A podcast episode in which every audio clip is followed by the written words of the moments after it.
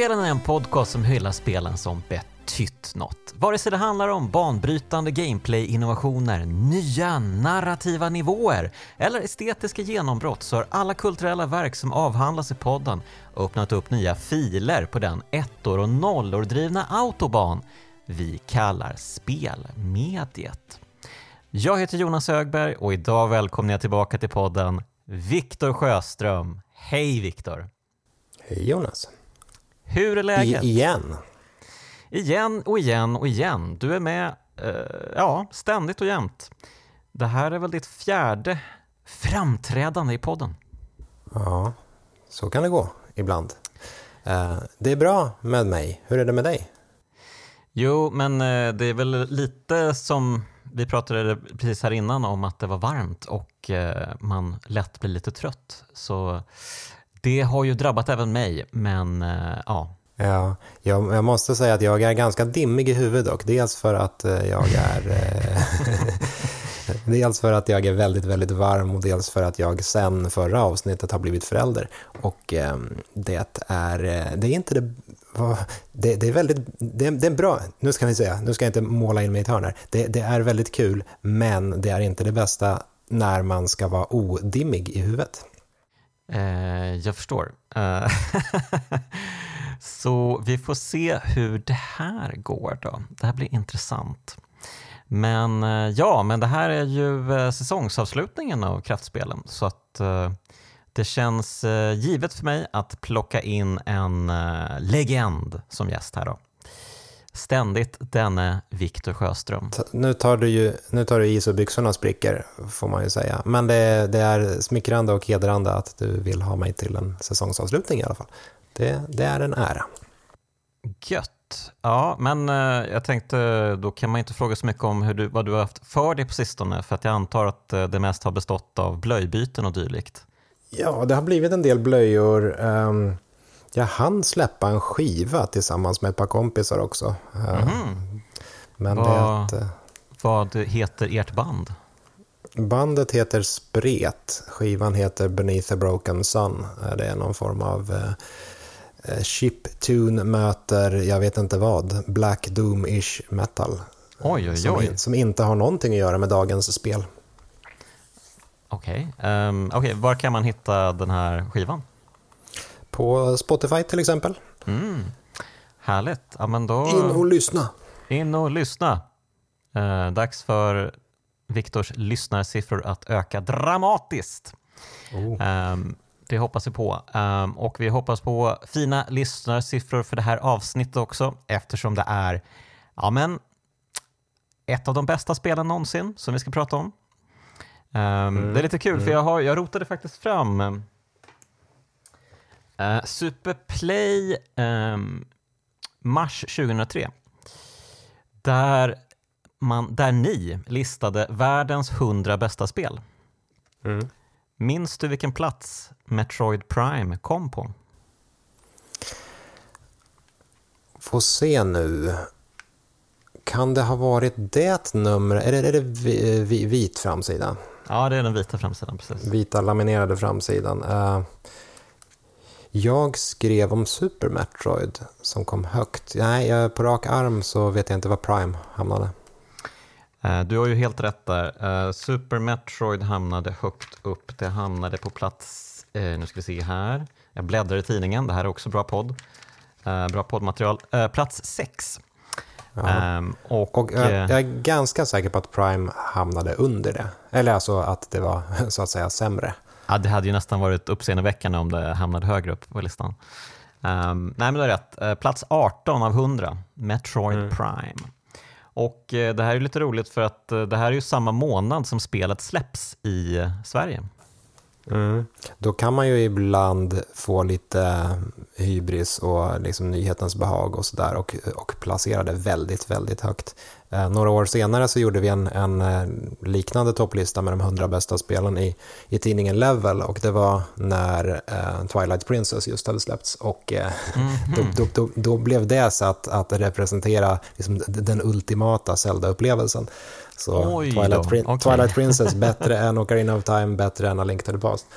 Eh, tveksamt, men så blev det. Ja, det är nästan lite kontroversiellt nästan. Um, men uh, precis. Um, nästan lite tjänstefel. Ja, precis. Uh, Oj, alla sitter och kokar nu i stugorna. Men uh, det släpper vi så fort vi bara kan och fortsätter prata Metroid Prime. Um, alltså, jag antar att du spelade det precis i samma veva då? Du hade också spelat det inför den här topplistan eller?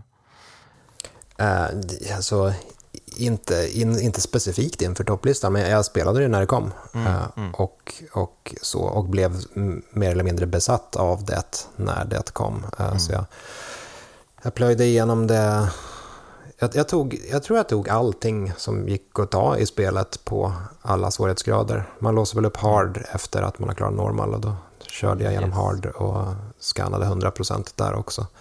Och det var ju tiden innan achievements fanns. Så mm. jag fick ingenting för detta slit. Nej, jag vet. GameCube, eh, det var en underbar era även för mig för att jag eh, satte stor ära och heder i att eh, liksom fullprocenta spel utan att få achievements. Jag minns min jakt på Cloudy Heights i Donkey Kong Jungle Beat till exempel, att klara den banan utan att nudda mark. Mm. Um, det var ju eh, för jävligt alltså. Jag spenderade kanske en hel vecka på att bara nöta den banan om och om igen. Um, mm. Men till slut så. Jag vet inte om det är det att man har blivit äldre eller, om att, eh, eller att um, ja, jag vet inte vad det beror på helt enkelt, men av någon anledning så gör inte jag så här i spel längre. Jag tycker inte att det är lika kul att 100% av spel. Sen, och, och, och nu, nu för tiden så skulle jag ha fått en eh, fin liten Platinum-trofé eller eh, något sånt om jag gjorde det. Men det får jag inte. Nej, precis. Nej, men uh, vi äkta gamers, vi behöver ingen sån skit. Um, vi kanske snarare har blivit uh, avskräckta att hålla på med det där nu.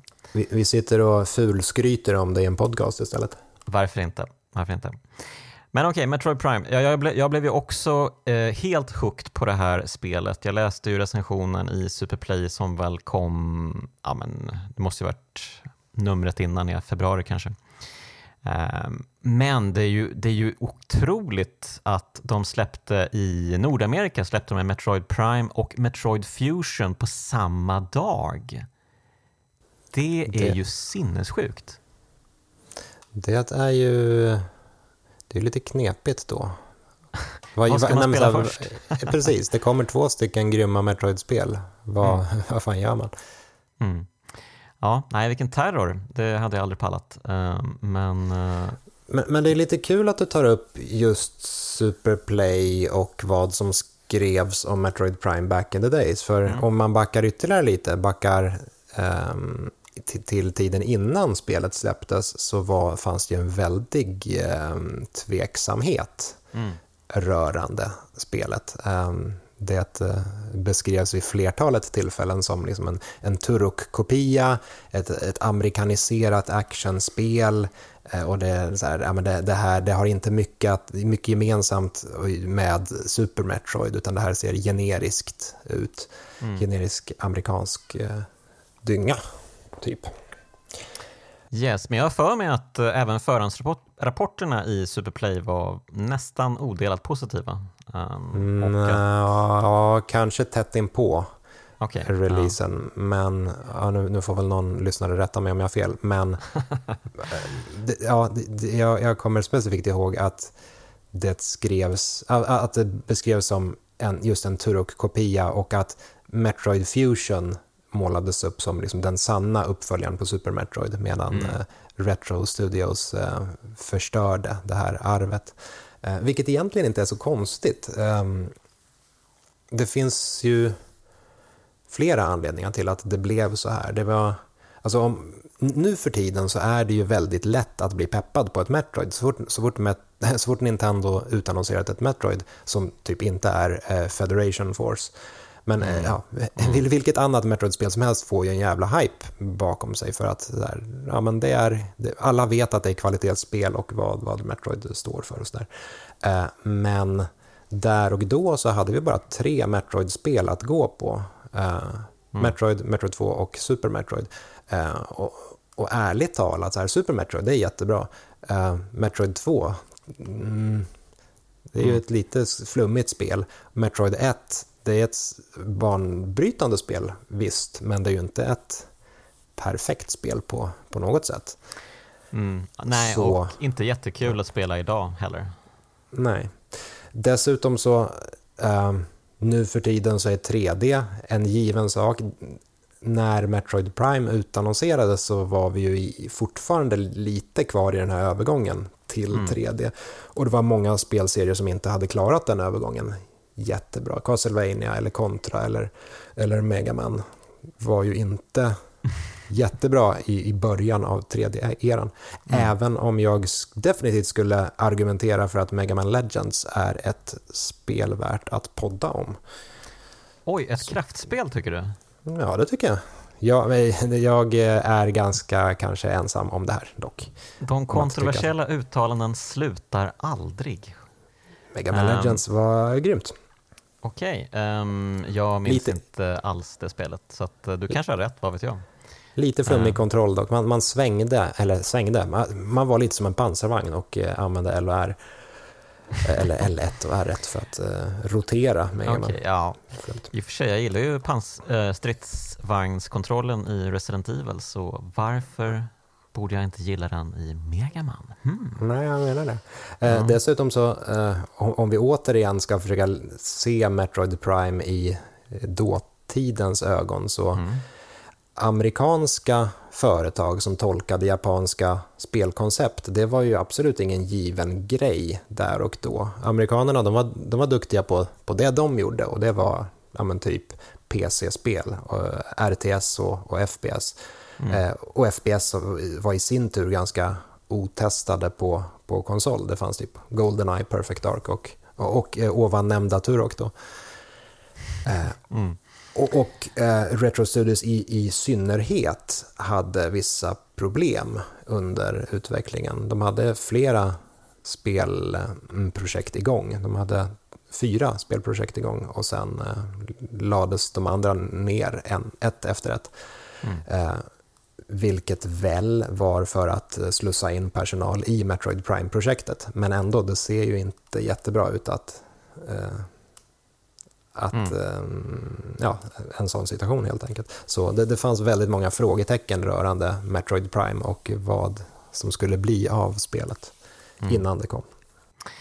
Nej, men det är klart. Um, det, det, var ju konstigt att en amerikansk uh, spelstudio i Texas, tror jag, um, skulle utveckla ett, uh, ett spel i en superklassisk japansk spelserie.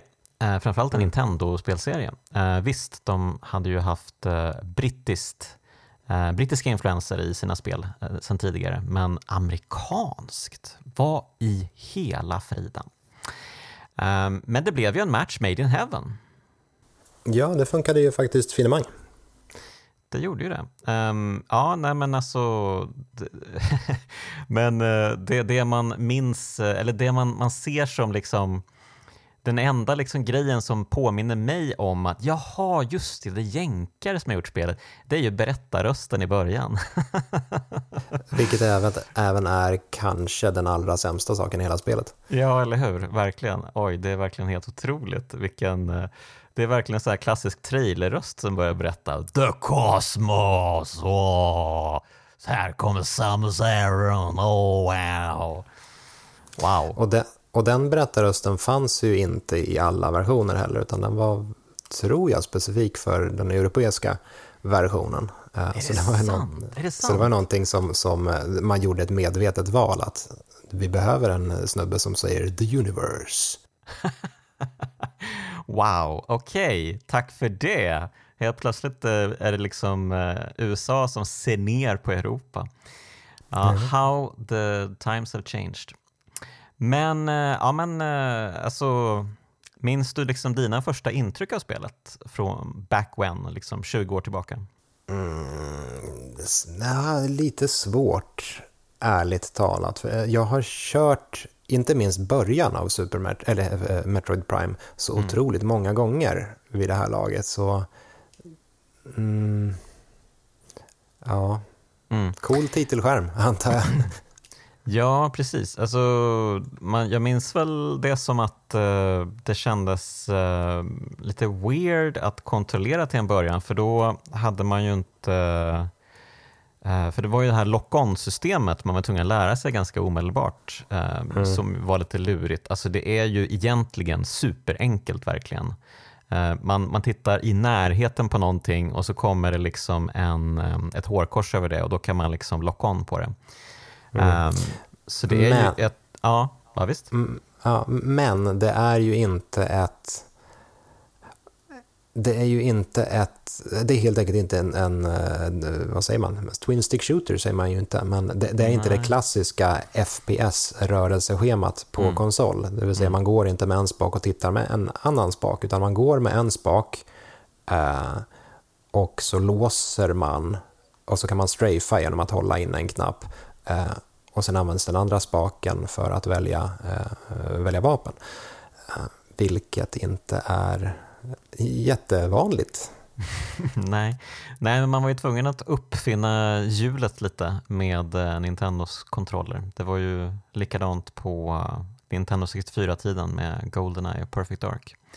Det mm. blev ju lite, lite weird och wonky, men på något sätt så funkar det också. Um, Goldeneyes två-kontrollers mm, setup var ju mm. ganska nice dock. Ja, jag har fortfarande inte testat den, men jag är väldigt sugen alltså. Bara gräva fram Nintendo 64. Jag får göra det. Jag får göra det.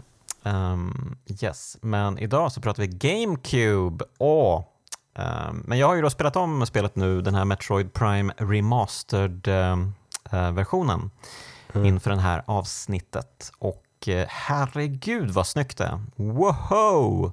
Jag eh, gick i spagat här.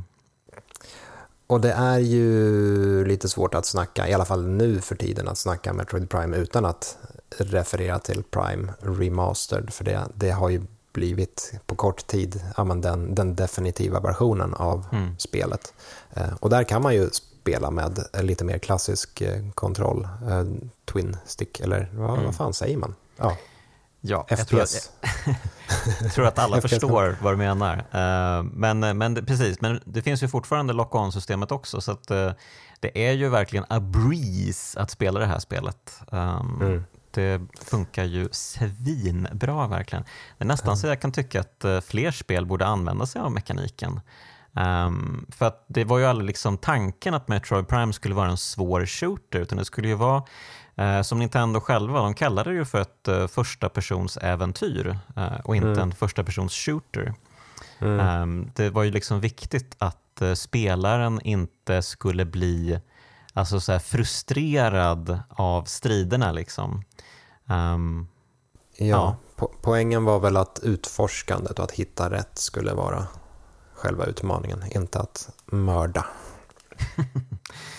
Nej, men det gör man ju. Eh, man har ju det är ju gott om mord som utförs ändå. Um, men, Metroid, eh, Metroid, Prime Remaster, den, alltså Switch-versionen nu, um, den, det är ju en väldigt, det är en väldigt fin remaster på så sätt att den ser typ ut som man minns att spelet ser ut. Men ja. uh, det är väldigt mycket snyggare, inser man om man ställer dem sida vid sida. Jo, och vi har kikat på lite YouTube-videos på GameCube-versionen och uh, ja, uh, wow, det har hänt mycket alltså. Uh, mm. Det är otroligt snyggt stundtals, remastered-versionen. Mm. Så att, nej men det här det är ju bara att en helhjärtad rekommendation till alla som har spelat Metroid Prime eller inte spelat Metroid Prime. Spela Metroid Prime Remastered för wow, vilken underbar upplevelse det var. Um, ja, jag, blev ju, uh, jag blev ju fullt övertygad. Yes, det här är ett av tidernas bästa spel. Um, och uh, har väl en plats på i alla fall en topp 20-lista. Ja, plats mm. 18 kanske. Hmm. Ja, det kanske står sig. Um, till skillnad från andra utnämningar i senare listor. Mm. Men, men vi kan väl ta och hoppa in i spelet då. Um, alltså vi kan väl börja med titelskärmen, för det är ju, det är ju en upplevelse i sig.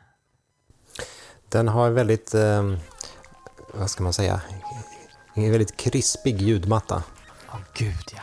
Vilket knaster, det storslagna knastret. Oh.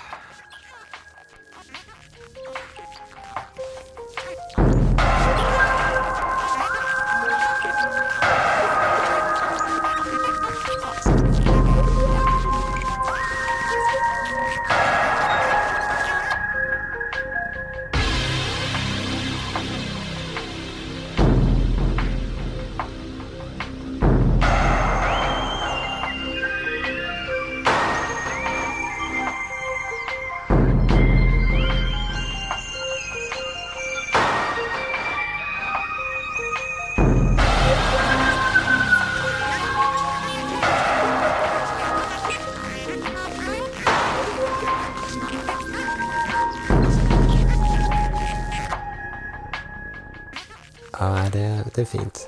Och vi befinner oss då inuti, uh, inuti en, en Metroid. Ja, där jag antar kameran det. guckar runt. Just det. Um, en riktigt uh, slemmig upplevelse som känns cybernetisk och läskig samtidigt tack vare musiken. Mm. Um, mm. Och sen så kastas vi in i den här hemska berättarrösten som då förklarar att här kommer, här kommer Samus Aran och eh, dags att sparka lite stjärt. Um, ungefär Ja. så. Mm. Eh, och sen, eller ja, vad är det berättarrösten, eller var hamnar vi till att börja med om man ska måla bilden? Ja, vi hamnar ju i yttre rymden, nej inte yttre rymden, vi hamnar ju eh, i omloppsbana kring planeten Talon 4. Och här finns det då en rymdfärja som eh, Samus Aran landar sitt rymdskepp på. Hon har i vanlig ordning fått en nödsignal. Varför hon har fått en nödsignal av rymdpiraterna fattar jag inte. Eh, jag tänkte att rymdpiraterna vill agera inkognito för de är ju trots allt rymdpirater. Men de har skickat ut en nödsignal ehm, och eh, hon har tagit sig hit och eh, upptäckt att det är någonting här som har gått fruktansvärt fel. va? Ehm, alla verkar vara döda. De få som fortfarande är vid liv, rymdpiraterna då, eh, Eh, de eh, liksom vacklar runt med sina sista döende andetag. Och när de får syn på Samus Aran så inser de Va? Det är Samus Aran, jag måste försöka skjuta henne. Åh, fast jag är nästan död. Och sen uh, faller de ihop. Så att eh, det är ju en otroligt atmosfärisk upplevelse i dubbel bemärkelse här. Um, för man går ju genom rymdslussar och in i den här rymdstationen och åh, jag älskar, jag älskar när den här kondensen hamnar på visiret i den här första eh, korridoren när man kommer in i rymdstationen och eh, man inser hur, ja, men hur mycket liksom elementen kommer påverka in i det här spelet. Eh, det är sånt jävla um, stämningsbyggande from the get-go. Liksom. Mm. Det var ju det var, ju, det var och är ehm, lite det man lägger märke till bland, bland de första grejerna och lite det som det snackades om också. Att, eh, liksom, att det verkligen skulle kännas som att man var bakom visiret. Att man Mm. såg i första eh, persons perspektiv ut genom Samus visir och att eh, man kände regndroppar, eller regndropparna rann mot, mot det. Och, man kunde se reflektionen av Samus ögon i, i glaset och sådär. Och, och även att Mm. hela eh, energimätarna och vapenräknarna och all, allting sånt där målas upp eh, som, som displayer på Mm. visiret. Som i sin tur vrids och vänds korrekt när man, när man själv vrider och vänder på sig. Ja, det är underbart. Och jag gillar även att om man står helt still med Samus så svajar hon ändå lite. Som att hon andas eller liksom försöker behålla eh, ja, men sin position liksom och ändå liksom måste kämpa lite med den här enorma rustningen hon faktiskt bär. Eh, så att även det eh, tillför ganska mycket för min del. Um, så att eh, nej men det är ju, det känns som att de har tänkt på allting och det går ju att ta bort alla de här ehm, um, HUD-grejerna. Eh, Om man går in i menyerna så kan man ju göra liksom sitt uh, skärmen helt ren på grejer. Och visst, då, får man, då har man ju inte koll på hur mycket energi man har kvar, liksom. eh, hur mycket hälsa man har kvar eller hur många missiler och dylikt. Så att, eh, det är ju lite en avvägning man får göra där, men det ser ju ganska coolt ut när det liksom är helt eh, clean. Eh, så jag brukar köra med de inställningarna faktiskt. Hmm. Jag tror jag aldrig har testat det. No, okay. Annat än bara så slå av och på eh, för att se vad det är man gör. Ja, men då rekommenderar jag det lika mycket som du rekommenderar två Nintendo 64-kontroller till Goldeneye. Eh, det är en upplevelse du måste testa. Ja. En, en del av hela, eh, på tal om upplevelse då, Metroid Prime, ja, men den, den lilla spelloopen som Metroid Prime bygger på, det är ju um, hela visirsystemet också och, och, kanske närmare bestämt scanning-systemet. För Samus mm. har ju olika eh, synsätt. Eh, olika sätt att se på mm. saken, ja. saker och ting. Eh, ett av dem är eh, ett eh, visir som man använder för att scanna saker och då får man information om sakerna. Eh, och Det mm. här är för det mesta frivilligt. Mm. Det finns liksom olika grader av scansaker. Vissa saker loggas i, i den stora loggboken, andra eh, eh, saker man scannar aktiveras av att man scannar dem. Och vissa saker är bara rent, rent blaj. Mm. Men mm. även om det sägs att det här är frivilligt så är det ju väldigt svårt att låta bli att scanna. Mm. Så det blir ju ofta så att man faller in i det här, kommer in i ett rum, nu jävlar ska vi scanna skiten ur det här. Och så bara scanna, scanna, scanna, scanna, scanna. Och så går man runt med det här scanvisiret och scannar varenda liten planta och eh, eh, mystisk manik på väggen och eh, sådär. Mm. Du måste ju fullprocenta spelet, eller hur? Ja. Nej, men jag håller med. Jag, eh, jag har scannat som en galning och eh, jag fullkomligt älskade funktionen um, första gången jag spelade. Eh, det var ju verkligen, det hade, ju, hade man sett något liknande förut? Att, man, att den här spelvärlden var så rik på information, att man kunde ta till sig så mycket av den. Um, jag vet inte. Uh, det här känns helt unikt nästan. Ja, säkerligen fanns det, eller alltså, um, det finns ju massor med, eh, ja, men inte minst rollspel till eh, PC som har väldigt mycket information och eh, dialoger och, och världsbyggen och sådär. Um, men jag, jag, tänker, om man hoppar framåt några år i tiden så är det, det är inte helt olikt Dark Souls. Mm. På så sätt att det är väldigt mycket frivilligt, um, frivillig information mm. som man kan, kan ta del av om man vill eller så bara hoppar man över om man vill mörda istället. Jo, precis. Ja, men det är ju ett eh, smart sätt att uh, liksom pumpa in lore i spelet utan att det uh, känns uh, jobbigt för spelaren. Liksom. Um, ja. Även om, alltså, när man väl lite senare i spelet kommer in i rymdpiraternas eh, stora liksom högkvarter nere på Talon 4, den här planeten, så, så är det ju liksom terminaler överallt och man bara herregud, jag måste scanna allt här uh, ifall jag missar någonting. Liksom. Uh, mm. Och viss, viss, information är ju rödmarkerad, så den betyder ju att man har liksom uh, att man lägger till då den här till procentmätaren som avgör hur mycket du har skannat i spelet. Och viss mm. information är väl orange och betyder väl egentligen inte så mycket tror jag. Eh, men den här rödmarkerade informationen är ofta där man hittar liksom, åh det här är det här göttiga, liksom. här måste du känna till om spelet, det här är extra viktigt. Liksom. Mm. Um, och Det är väl typ där man bland annat får veta om uh, rymdpiraternas roliga experiment, att de har liksom de har ju verkligen kämpat för att försöka förstå sig på Samus Aran. Det är ju så himla roligt att de uh, har liksom gjort morphball-experiment som har gått fruktansvärt fel. mm. Brutit sönder eh, de stackars försökskaninerna mm. på horribla sätt. Det är roligt. Precis. Det är inte det lättaste att förvandla sig själv till en flipperkula, eh, visar det sig. Eh, men här uppe på den här eh, rymdfarkosten då, som befinner sig i omloppsbana kring planeten ehm, vi, till slut så tar man ju sig fram till en boss här um, och det är ju ganska mäktig musik får man ju säga um, när man äntligen stöter på Parasite Queen. Och eh, ja, men Det är ju en ganska snygg boss i och med att man lär sig kontrollen och lock-on-systemet och eh, att eh, det kanske är bra att inte bara peppra som en galning utan faktiskt ja, men, liksom försöka mm, dechiffrera situationen. För att eh, hon har ju då en sköld eh, i olika, liksom, eh, vissa delar är ju borta så, så den här skölden liksom cirklar ju runt henne också. Mm. Så då måste man själv försöka följa efter eller vänta in rätt ögonblick när det liksom går att skjuta.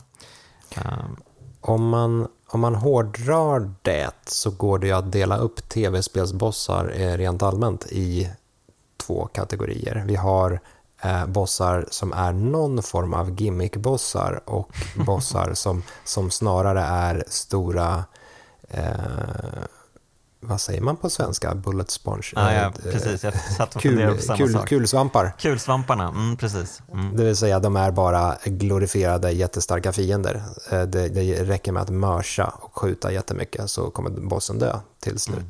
Metroid Prime har ju mestadels ja, gimmick-bossarna då, alltså bossar mm. som kräver någon form av litet pussel eller någon litet eh, ja, klur eh, för att förstå bossen och det är först då man kan skada bossen. Just mm. Parasite Queen är väl kanske den minst eh, gimmickartade dock. Mm. Parasite Queen har ju egentligen bara sina, sina roterande sköldar. Eh, mm. Man behöver ju inte morphbolla iväg och lösa något pussel eller byta visir eller så, utan det, mestadels mörsa och mm. Eh, ja, hålla lite koll på sköldarna.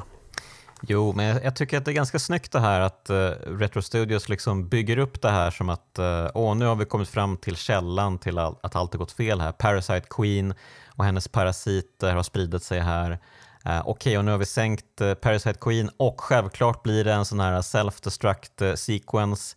Hon faller ner i den här kärnreaktorn och man har en viss tid på att ta sig ut igen genom hela anläggningen. Eh, en sån här klassisk Metroid-grej såklart. Men det är ju när man kommer ungefär halvvägs igenom tillbaka till skeppet, det är ju då som den riktiga grejen med hela rymdanläggningen kommer. Det är ju då Ridley dyker upp igen och man bara jävlar! Ridley! Oh my god! Hmm. Ja, det är jävligt snyggt alltså klassisk Metroid-fiende som har, har hängt med från, från första spelet. Ja, och, precis. Eh, och så, stor eh, flygödla. Som den här enkelt. gången har blivit uh, genetiskt modifierad. Uh, genetiskt är nog fel. Han har helt enkelt bara fått en massa... Cy eller han cybernetisk. Har, cybernetiskt modifierad, tack så mycket. Uh, precis, så att nu heter Ridley Meta Ridley. Och, ja, det är meta. Det är väldigt meta jag förstår inte riktigt namnet, men eh, det, han ser fräck ut, massa rustning och eh, han är helt enkelt hårdare än någonsin. Så att eh, när man kommer ut och allting har sprängts så hoppar man upp på skeppet och följer efter Ridley ner mot planeten. Och det är ju, alltså vilket underbart ögonblick det är att landa på Talon 4 och när man liksom beamar upp ur, inte beamar upp, men när man åker upp med hissen ur sitt rymdskepp och tittar ut på den här äh, lummiga, varma, eh, samtidigt väldigt fuktiga eh, planeten. Det är ju oh, ett, ett minne som för alltid kommer finnas i mitt hjärta. Det är verkligen helt underbart. Jag funderade på om man skulle, ehm, för att spicea till eh, det, det, det hela, skulle, skulle kora det bästa och det sämsta i olika kategorier med Metroid Prime. alltså, och, okay. Ehm, och det här är ju en väldigt stark, eh, stark kandidat i kategorin bästa rummet mm -hmm. överhuvudtaget. Ja, verkligen. Det kan mycket väl vara mitt favoritrum. Jag har definitivt ett, ett, um, hatrum, men det kommer vi till sen. Mm, intressant, intressant, mycket intressant. Ja, men jag håller med, det är ett underbart rum och det finns ju ett litet vattenfall här och eh, lite rännilar och eh, lite olika plattformar och man ser ju ett gäng dörrar också. Ehm, um, som, och alla, man kan inte nå alla dörrar, eller ja, kan man det? Jag blir osäker faktiskt. Men uh, i alla fall, man måste liksom snirkla sig igenom lite grejer här för att ta sig till vissa dörrar. Men ja, man, man springer ju framåt och genom första närmsta dörr och eh, till slut då så lyckas man ju ta sig ner till ja, men den första egentliga liksom, äh, banan, om man säger så. Mm. Uh, Choso Ruins. Nu för tiden hade man kallat det för en biome. Just det, fan jag, jag glömmer mig. Back in the eh. days så hette det väl helt enkelt område eller sektor eller liknande. Biome, ja men det, det, det sammanfattar ju faktiskt ganska bra. En biome, ja precis. Mm. Och, um, Talon Overworld är ju ja, men, regnigt och lummigt. Mm. Uh, medan Chosen Ruins är sandigt, torrt och uh, brun, brunaktigt. Ja, men inte brunaktigt på ett uh, hemskt sätt. Som, alltså det var ju ganska många spel på den här tiden som såg bruna ut och mm. uh, var riktigt gräsliga rent estetiskt. Men här, ja. det är ju ett bra brunt ja, i ja, det, det, det, det, är lite, det är smakfullt brunt och det är, det är lite ljusa toner också. Mm. Det, är, mm. det, det, det, är härligt. Härligt att vara i Chosen Ruins. Verkligen. Uh, ja, och vi har ju kanske glömt att säga då att uh, den här klassiska, numera ser vi det som en klassiker, att uh, Samus Aran förlorar alla sina krafter i början av spelet. Men det började väl här med Metroid Prime, just den grejen. För i de tidigare spelen så förklarade de väl aldrig liksom varför hon inte har mm, sina förmågor som man hade i förra spelet. Nej, precis. Uh, det har jag aldrig tänkt på, men det, det är helt sant. Prime gör det först, ja. Man Precis. har lite lite coola saker, eh, typ morphball och eh, missiler och sånt. Men de förlorar man för att eh, Samus blir inputtad i en vägg av ett gäng explosioner. ja, nej, det är på... känns lite beige, just den lösningen kanske. Men hur som helst, som av en slump så befinner sig de alla här nere på planeten igen, så hurra! Ja, är det tur? Vilken tur hon har. Um, ja, så att uh, vi uh, hittar ett, uh, vi hittar väl våra missiler och vi hittar vår, den klassiska morphball-egenskapen. Um, jag blev mm. lite mm. lack på att man var tvungen att backtracka liksom fram och tillbaka flera gånger på ett lite ointuitivt sätt för att få morphballen. Mm. Um, Men det, jag, jag vet inte hur många gånger jag har kört början av Metroid Prime. Mm. Jag har mm. inte kört igenom det jättemånga gånger liksom sen, sen det begav, eller ja, jag körde igenom det många gånger när det kom, men inte så mycket sen dess. Eh, men just den här första loopen, att man eh, kommer ner i Shows Ruins, man springer ner till vad heter den, Hive Mecca, mm. slåss mot den, får missiler och så ska man tillbaka. Och så. det, är en serie rum som man springer över fram och tillbaka, fram och tillbaka där, mm. som um, som man känner igen ganska mycket. Eh, korridoren mm. med eh, ögonlaserfienderna, eh, det stora rummet med trädet i hörnet och, och spegeln där man kan se Samus spegelbild, eller kunde se Samus spegelbild. Mm. Vilket man inte kan i Prime Remaster, mm. tyvärr. Jag tänkte på det också. Um, precis. Nej men uh, det är ju, uh, det, det, känns lite klaustrofobiskt. Det är ganska så här um, um, väldigt små korridorer som man rör sig i oftast. Så man blir mm. väldigt glad när man kommer ut i det, liksom det öppna och bara oj, nu fick jag äntligen uh, ett stort rum att fröjdas i. men ja, nej men Alltså det är väl inte, det är väl inte hundraprocentigt klockrent skulle jag vilja säga, liksom eh, bandesignen ändå eh, och just gameplay-loopen. Eh, men det är, det är så, det är så ehm, harmoniskt och så underbart att eh, springa runt i salarna på Talon 4 att eh, jag inte riktigt bryr mig så mycket faktiskt. Ehm, det är helt okej okay att eh, springa på samma ställen hundra gånger faktiskt. Metroid Prime, ett spel där det är helt okej okay att springa på samma ställen om och om igen. Ja, jo. Det, det, Plats 18, tidernas bästa spel någonsin. Precis, den kan du skriva på min gravsten, den, den uh, repliken. Yes. Nej, men det, det, som, uh, det som ändå gör så mycket för Metroid Prime och det som, som Castlevania totalt misslyckades med när Castlevania, eller ja, vad ska man säga, Igarashi Castlevania eh, skulle gå över till 3D. I alla mm. fall, The Prime, nu, nu trasslar jag in mig här, Det Prime gör bra är att varje rum känns unikt mm. ändå. Eh, även om det är ja, men ganska mycket brun, brunt i Chosen Ruins så känns varje rum som en, en plats som man eh, kommer ihåg. Om man jämför det med eh, ja, det första Castlevania, eh, Lament of Innocence, då, så var det. Väldigt mycket identiska korridorer och man kunde inte identifiera vilken som var vilken. Mm.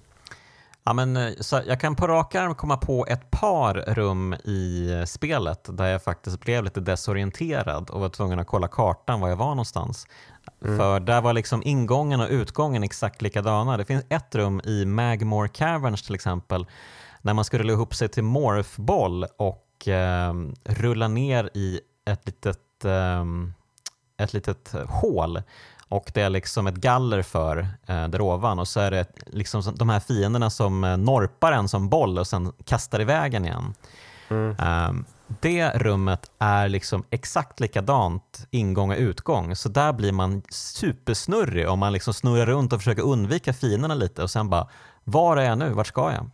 Mm. Um, så att det är ju liksom inte helt berövat på, på lite, ja, lite förvirring det här spelet. Det, det blir man ju. Nej, men... nej, det är sant. Men för sin tid så var det ju väldigt, eh, vad, ska man säga, hand, handgjort på något mm. sätt istället för bara blockgjort. Verkligen. Ingen AI har kommit i kontakt med det här spelet. Äh, hoppas jag. Mm. Um, yes, men uh, ja, eh, man, man hittar en massa goda grejer och och eh, sen så till slut då så möter man ju en ny boss då, Flagra. Som mm. ju också är en gimmick-boss eh, som heter duga. Eh, ja men precis. Beskriv. Um, ja, och, och, när, när man säger gimmick-boss, det låter ju så negativt men det, jag menar det inte, absolut inte som, mm. som något dåligt. Utan alltså det är bara ett, sätt, ett, ett, ett av flera sätt att göra en boss på. Mm. Uh, flagra är ju en jättestor uh, flummig växt. Uh, och det ska sägas att Chosa Ruins har äckligt vatten. Det är grejen med Chosa Ruins. Det är brunt och det har äckligt vatten som är giftigt. Mm. och det äckliga vattnet kommer sig av att det bor en äcklig planta som heter flagra där. Mm. Så spöar man flagra så blir vattnet gott att dricka igen. Eh, flagra behöver speglar, eller rättare sagt, eh, man ska flippa stora eh, speglar eh, för att eh, styra ner solljus på flagra och mm. bränna flagra. Och först en spegel, sen två, sen tre, sen fyra speglar. Och flagra kan slå tillbaka speglarna till sin ursprungsposition. Mm. Mm. Så speglarna är inte svåra att flippa, det är bara att låsa på eh, baksidan av speglarna och, och, skjuta. Men flagra kommer och pillar tillbaka speglarna om man inte är snabb nog. Mm. Eh, så man eh, får ta och eh, fixa speglarna så att flagras eh, skydds vad säger man, skyddsrötter? Nej, det är inte rötter heller. Skyddsrankor kanske? Ja, rankor är ett bra ord. Skydds, skyddsrankorna. Mm. Så att de drar sig tillbaka och då morfbollar man sig eh, upp i Flagras, eh, ja det är nästan rumpa, eh, och så bombar man. Och mm. gör det fyra gånger och sen, sen dör bossen och allt vatten blir fint igen. Ja, jag tänkte just på det här, eh, det här med eh, förändrande, alltså spelvärldar som förändras. Ehm, det, det här var ju ett av de spelen där jag verkligen kände den, de effekterna. Att eh, wow, nu kan jag faktiskt gå på de platser jag tidig, som tidigare var giftiga. Liksom. Nu kan jag hoppa ner i vattnet och dyka ner och undersöka och, och se vad som finns här. Eh, den insikten var ju lite mindblowing för mig i alla fall. Eh, det fanns väl tidigare i vissa spel också men, men det, det görs så snyggt i det här spelet. Och eh, det gör ju att man är, man är liksom sugen på att upptäcka allt det där man redan sett. Jag menar alla de där gångerna vi, vi redan har sprungit i hundra gånger. Blir, man blir sugen på att springa i dem ytterligare hundra gånger för mm. att upptäcka vad det är som man kan göra nu. Mm. Och och um, nu, nu, nu är det ju inte just Flagra som aktiverar det, men, men Shows Ruins har två versioner av sin låt, uh, vilket även stämmer på senare arior. Uh, jag kommer inte ihåg om det är alla arior, men det är flera arior i alla fall som har flera ja, lager så att säga. Mm. Eh, och eh, Chosen Ruins får ju en, ett, ett taktfast beat som är jävligt gungigt. men det är innan Flagrad. Mm, Okej, okay. var det med Hive Mecca kanske? Som eh, vattnet? Ja, det är där någonstans. Mm, just det. Ja, ja. Men eh, hur som helst, det eh, händer grejer och eh, vi kan åka till Magmore Caverns, fast det kanske man redan kunde. Är lite oklar på när alla hissar liksom dyker upp. Um... Ja, jo, men Magmore Caverns är man inne i innan. Och mm. vilket, alltså, Magmore Caverns tar mig alltid lite på sängen. Uh, det, det, det, men det känns som att, alltså, oj, är, är, vi redan här? Mm. Uh, för jag, eh, jag antar att jag omedvetet drar paralleller till Super Metroid där eh, Norfair och mm. eh, kanske framförallt eh, mm. nedre delen av Norfair där det är riktigt varmt eh, kommer ganska sent i spelet. Här så introduceras ju Magmorn Cavern ja, som, som eh, biome nummer två och mm. fungerar nästan som någon form av hubb-area. Magmorn Caverns leder vidare till flera olika arior, så man, man, man passerar väldigt ofta genom Magmore, Magmore Caverns eh, snarare än att, eh, än att det skulle vara en, en specialaria som man eh, besöker senare i spelet när man är, är totalt eldsäker. Mm. Precis. Uh, biome är ordet du söker uh. Ja. Uh, precis, men man kan ju inte liksom ta sig runt i Magmore Caverns förrän man har um, ja, vad heter det? Det är ju en speciell rustning. Um, Variasuit. Variasuit, klassiska Variasuit. Precis. Jag, hör, jag, hörde någonting om att det var att det att den het, om, om det är så att den skulle ha hetat Barrier Suit, alltså mm. ursprungsvarianten av den, att Varia är en eh, variant av det, förvrängning mm. av det. I alla fall. Um, ja. Nej, men Magma jag... det är varmt. Det är varmt där och jag blir alltid lite chockad över att det inte finns någon boss i Magmore Caverns. Mm. Speciellt när man såg de här första screenshotsen från Metroid Prime. Mm. Eh, och såg att det fanns någon cool eldorm där. Då tänkte man, eh, det där, det ser ut som en mm. fräsig boss. Men det var Just bara en vanlig fiende. Precis. Nej, men jag vet att de, de var ju tvungna att Eh, de höll ju på att göra Crade till spelet också. Mm.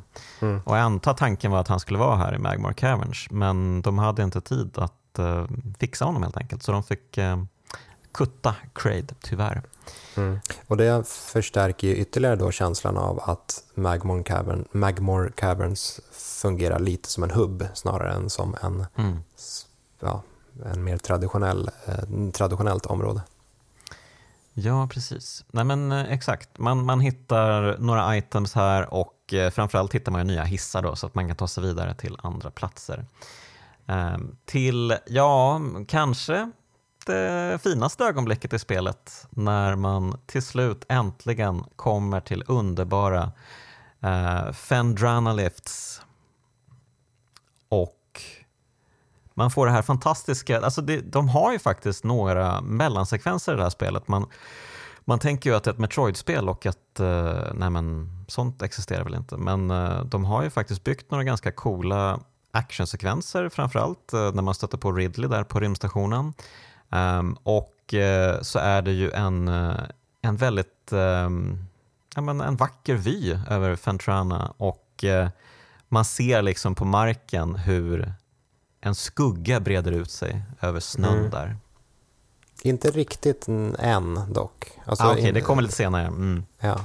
Det, det, Fendrano Drifts är ju ett, ett snöområde. Mm. Uh, och um, ja, vad tänkte jag säga med det? Det, jag vet inte, eh, men nej, jag, precis. jag tappade spåret där. Nej, men jag, jag, jag, minns nu. Det är precis, det är ju så att det finns ju en mellansekvens där man precis kommer ut i Fendrana Lifts och uh, ser all fin snö och alla de här fina flygande fåglarna och pelarna som finns här. Det är ju liksom Choso Ruins här också egentligen. Um, och ja, men vackert och musiken är helt underbar här. Um, man, man blir så harmonisk till sinnes. Eh, men om, man, om, man, om, man, Och om man återigen ska återkoppla till den andra versionen av låten så eh, den ja, mer avancerade varianten av Fendrana Drifts-temat är ju kanske den bästa mm. låten i, i hela spelet. Om vi ska eh, återigen kora de bästa och de sämsta sakerna så nominerar jag, eh, vad är det den heter? Lower... Ja, i alla fall. Den avancerade, den med ett beat. Eh, mm. Dun, dun, dun, dun. Dun, dun, dun, dun. Dun, dun. Jävla ja. bra. Ja, det... Då kan jag lika gärna passa på att nominera den allra sämsta låten och det är ju da, da, da, da, da, da, da, stridslåten. Fy fan. Ja, precis. Den finns väl också i två varianter va? Ingen är eh, bra. Fast, nej men precis, man, man tänker knappt på att det är två varianter för de är lika irriterande eh, båda två. Mm. Men det är väl bara när det är rymdpirater som dyker upp som det är den som kommer va? Ja, och det är ju tyvärr så att eh, det blir mer och mer rymdpirater ju längre spelet går. Eh, mm, mm. Och ska man vara lite elak så kan man ju säga att eh, Metroid Prime är bäst under första halvan och sämst under andra halvan. För det kommer mm. mer och mer rymdpirater och det, det, det, det kommer flera saker som inte är helt hundraprocentiga i spelets andra eh, slutskede. Ja, jag håller ju tyvärr med. Ehm, det blir lite enformigt med alla dessa rymdpiratsidor. Men än så länge är vi bara i Fenderana Drifts och då är det eh, nice. Då är det nice, yes box. Och eh, senare i Fenderana Lifts då, så kommer den här fina mellansekvensen när man bara ser eh, marken och den här enorma skuggan som breder ut sig. Och sen så liksom svingar kameran upp för att fånga det som finns i luften och då ser man att Ridley rör sig bort eh, från biomen. Otroligt snyggt. Ett sånt där ögonblick som eh, har eh, följt mig genom åren. Underbart. Mm. Jag har alltid stört mig lite så här, lite petigt, petstört mig lite på att skuggan inte mm. rör sig.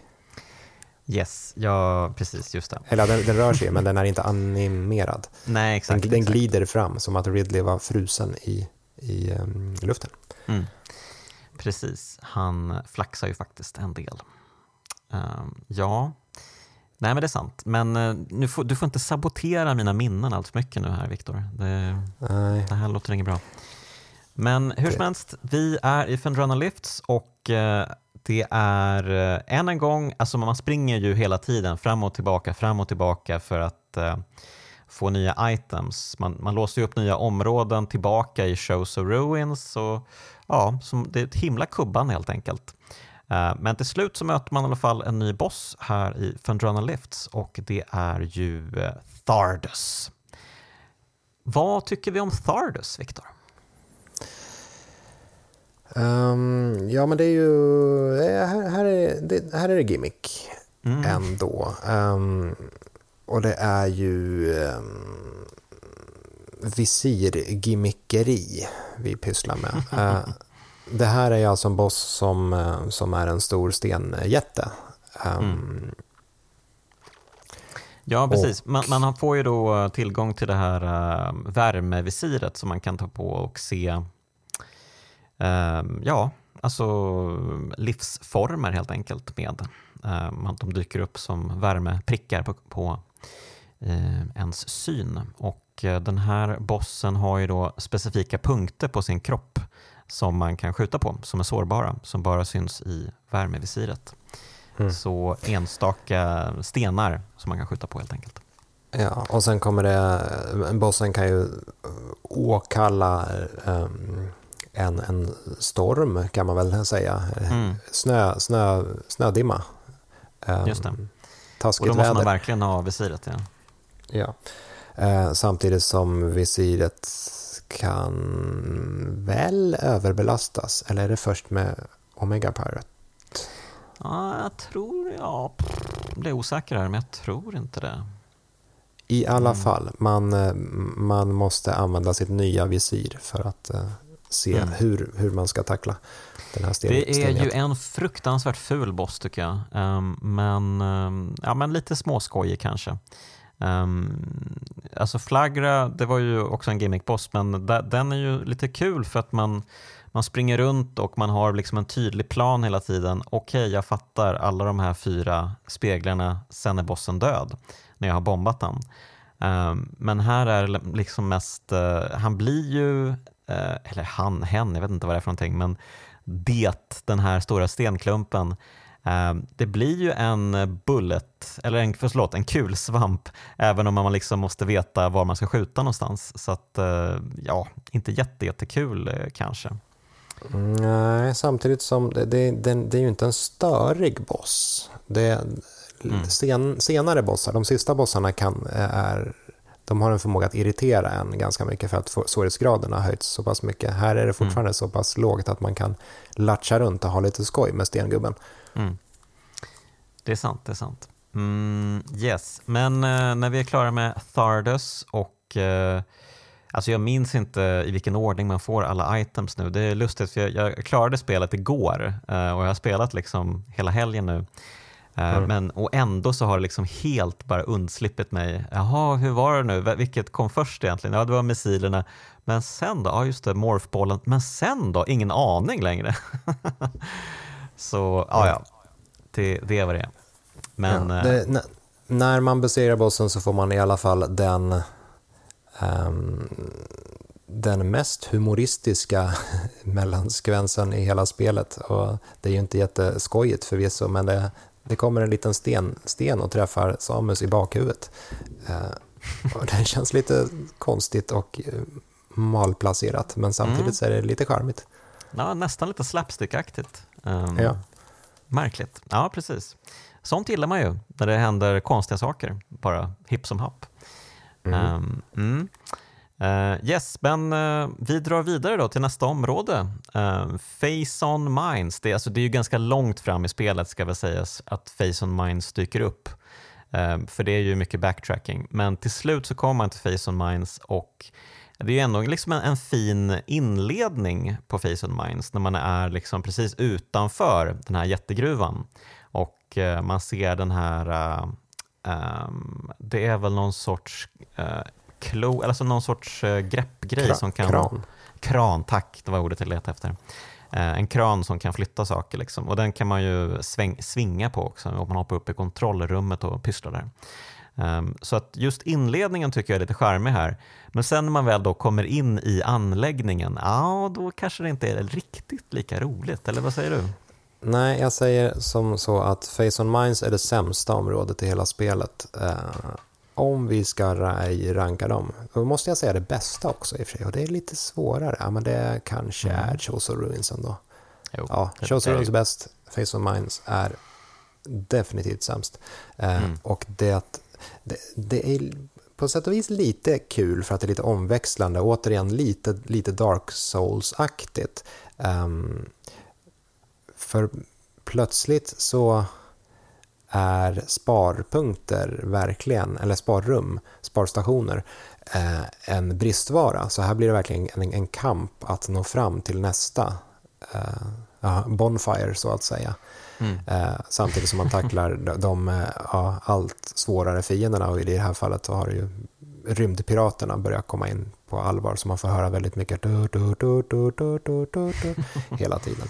Eh, det, det, det, mm. är, eh, det är ett svårt område. Uh, och så får man lite, lite goofy uh, rymdpirat-lore samtidigt som det är helvetiskt svårt. Ja, men Lauren är rolig. Jag, jag gillar ju mm. hur de, eh, de, de pratar om Samus Aran också. De beskriver ju henne som The Hunter med stort H. Um, de benämner henne ju nästan bara som The Hunter och Eh, de har ju en vansinnig respekt för henne. Och konstigt vore det ju annars. Hon har ju trots allt eh, helt besegrat deras operationer på eh, Sebes. Um, ehm, så uh, men de vill ju förstå henne och de har ju då som sagt börjat ja, men dechiffrera hennes olika vapen och sånt. Även de vapen hon plockar upp här på Talon 4 håller de på och researchar en massa. Så att eh, det dyker då upp nya typer av eh, rymdpirater som ja, men man måste ha rätt eh, vapen för att klå. Andra vapen biter inte alls på dem. Så att, ja, vad tycker vi om den mekaniken? Uh, ja, just den stör jag mig väl inte jättepå. Det, alltså, det är inte det som tycker jag skälper hela Face on Minds utan det är snarare svårighetsgraden och ja, men just rymdpirater i allmänhet. Uh, det här ja, men det de eftersträvade under, utvecklingsperiod, under utvecklingen av spelet var just att det skulle vara, utmaningen skulle vara att, uh, att utforska och att strider inte skulle vara så, så eh, svåra. Här blir striderna ganska svåra och eh, atmosfären tycker jag går förlorad ganska mycket av den här eviga stridslåten som pumpas mm. ut. Men att, att det är en plasma pirate eller en ice pirate istället för en vanlig pirate, det gör mig varken till eller från. Eh, men det, det slog mig att vi har ju inte heller nämnt eh, hela strålsystemet för Nej, det är, men det är kanske värt att göra. Mm. Ja, för det, det, är också en grej som är ny för Metroid Prime. De tidigare Metroid-spelen hade, spe, äh, hade vapen som, som stackade, som de blev gradvis mäktigare och mäktigare. Här har man istället eh, olika vapen för olika syften och man kan väl växla mellan dem. Så från början har man en, en power beam eh, och sen får man en wave beam, eh, man får en ice beam och en plasma beam. Men det är inte alltid så att plasma beam är bäst på allting utan i vissa fall så är en wave beam bättre för att den har elektriska eh, egenskaper eller en ice beam som då ja, är is. Ja, precis. Eh, den här um, elektriska wave beam-vapnet det är ju att, nästan att föredra när man möter liksom, de här luftburna uh, rymdpiraterna eftersom man kan lamslå dem om man laddar upp det vapnet och skjuter iväg en blixt på dem. Och mm. sen kan man pumpa dem fulla med missiler. Nu vill jag dock ändå utse det bästa och det sämsta. Bästa ja, plas oj, okay. beam, sämsta ice beam. Ja, vem, vem gillar Icebeam? Icebeam är ju fruktansvärt tråkig. Ja, inte jag. Men man uh, måste ju använda den på Metroiderna. Eller måste och måste, jo. men... Mm. Det är um, ju... Ja. Ä, ä, ja. En sak jag inte insåg alls, som jag, som jag insåg först nu i och med Prime Remastered-versionen och kanske, om man ska vara ärlig, eh, liksom snacket på Twitter, var att um, ikonerna för de olika eh, strålvapnena är Samus olika handgester som hon gör eh, mm. när hon byter till dem. Eh, ah. Och handgesterna i sig, det visste jag i och för sig sedan tidigare, men hand, hand, handgesterna i sig, de kan man se om man kör X-ray eh, visor samtidigt som man byter vapen. Så att man ser rakt igenom hennes armkanon och ser hennes skeletthand där. Åh oh, jävlar, okej. Okay. Vilken grej. Coolt. Ja, men hon gör eh, små hand, äh, fingerkonfigurationer för att byta vapen. Vilken känsla för detaljer. Det är helt underbart. Nej, men jag, jag tänkte lite på de här med, med beamvapnen, just att eh, det kanske går att konfigurera kontrollen. Jag kollade inte riktigt det, men grundkontrollen för i alla fall remastered-versionen eh, var ju lite bänglig tycker jag. Mm. För när man ska byta vapen måste man ju hålla in en knapp innan man trycker på eh, styrkorset. Ja, och det, det, var ju det här som, eh, vad ska man säga, det var det här som prioriterades i, i original GameCube-versionen, att det skulle vara smidigt att byta vapen, mm. Mm. att de, de fick en dedikerad spak för det här. Uh, I remasterversionen då får man välja, ja, om man ska, det finns, man kan ju konfigurera eh, Prime eller Remaster väldigt, mm. väldigt mycket. Eh, en mm. av sakerna man kan konfigurera är, ska det vara marginellt lättare att byta vapen eller att byta visir? Aha, okej. Okay. Så då får man välja vilket man eh, växlar oftast. Okej, okay, vilket hade du då? Uh, kommer inte ihåg. Vapen tror jag. Okej, okay, jag hade ju visir som lättast, men det är väl grundutförandet liksom, tror jag. Jag ändrade ju ingenting. Men det, så det blev ju, det, jag kanske borde byta till vapen, för man, i slutet av spelet så byter man ju vapen i princip hela tiden. Man vill ju um, mörda.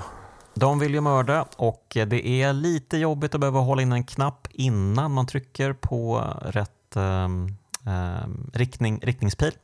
Så att, eh, mm, ja, och sen var jag inte jätteförtjust i det heller liksom um, uh, laddningssystemet för när man skjuter supermissiler, alltså det tog mig en bra stund att inse, ja, ja, ja, okej, okay, det just det, det var den här knappen.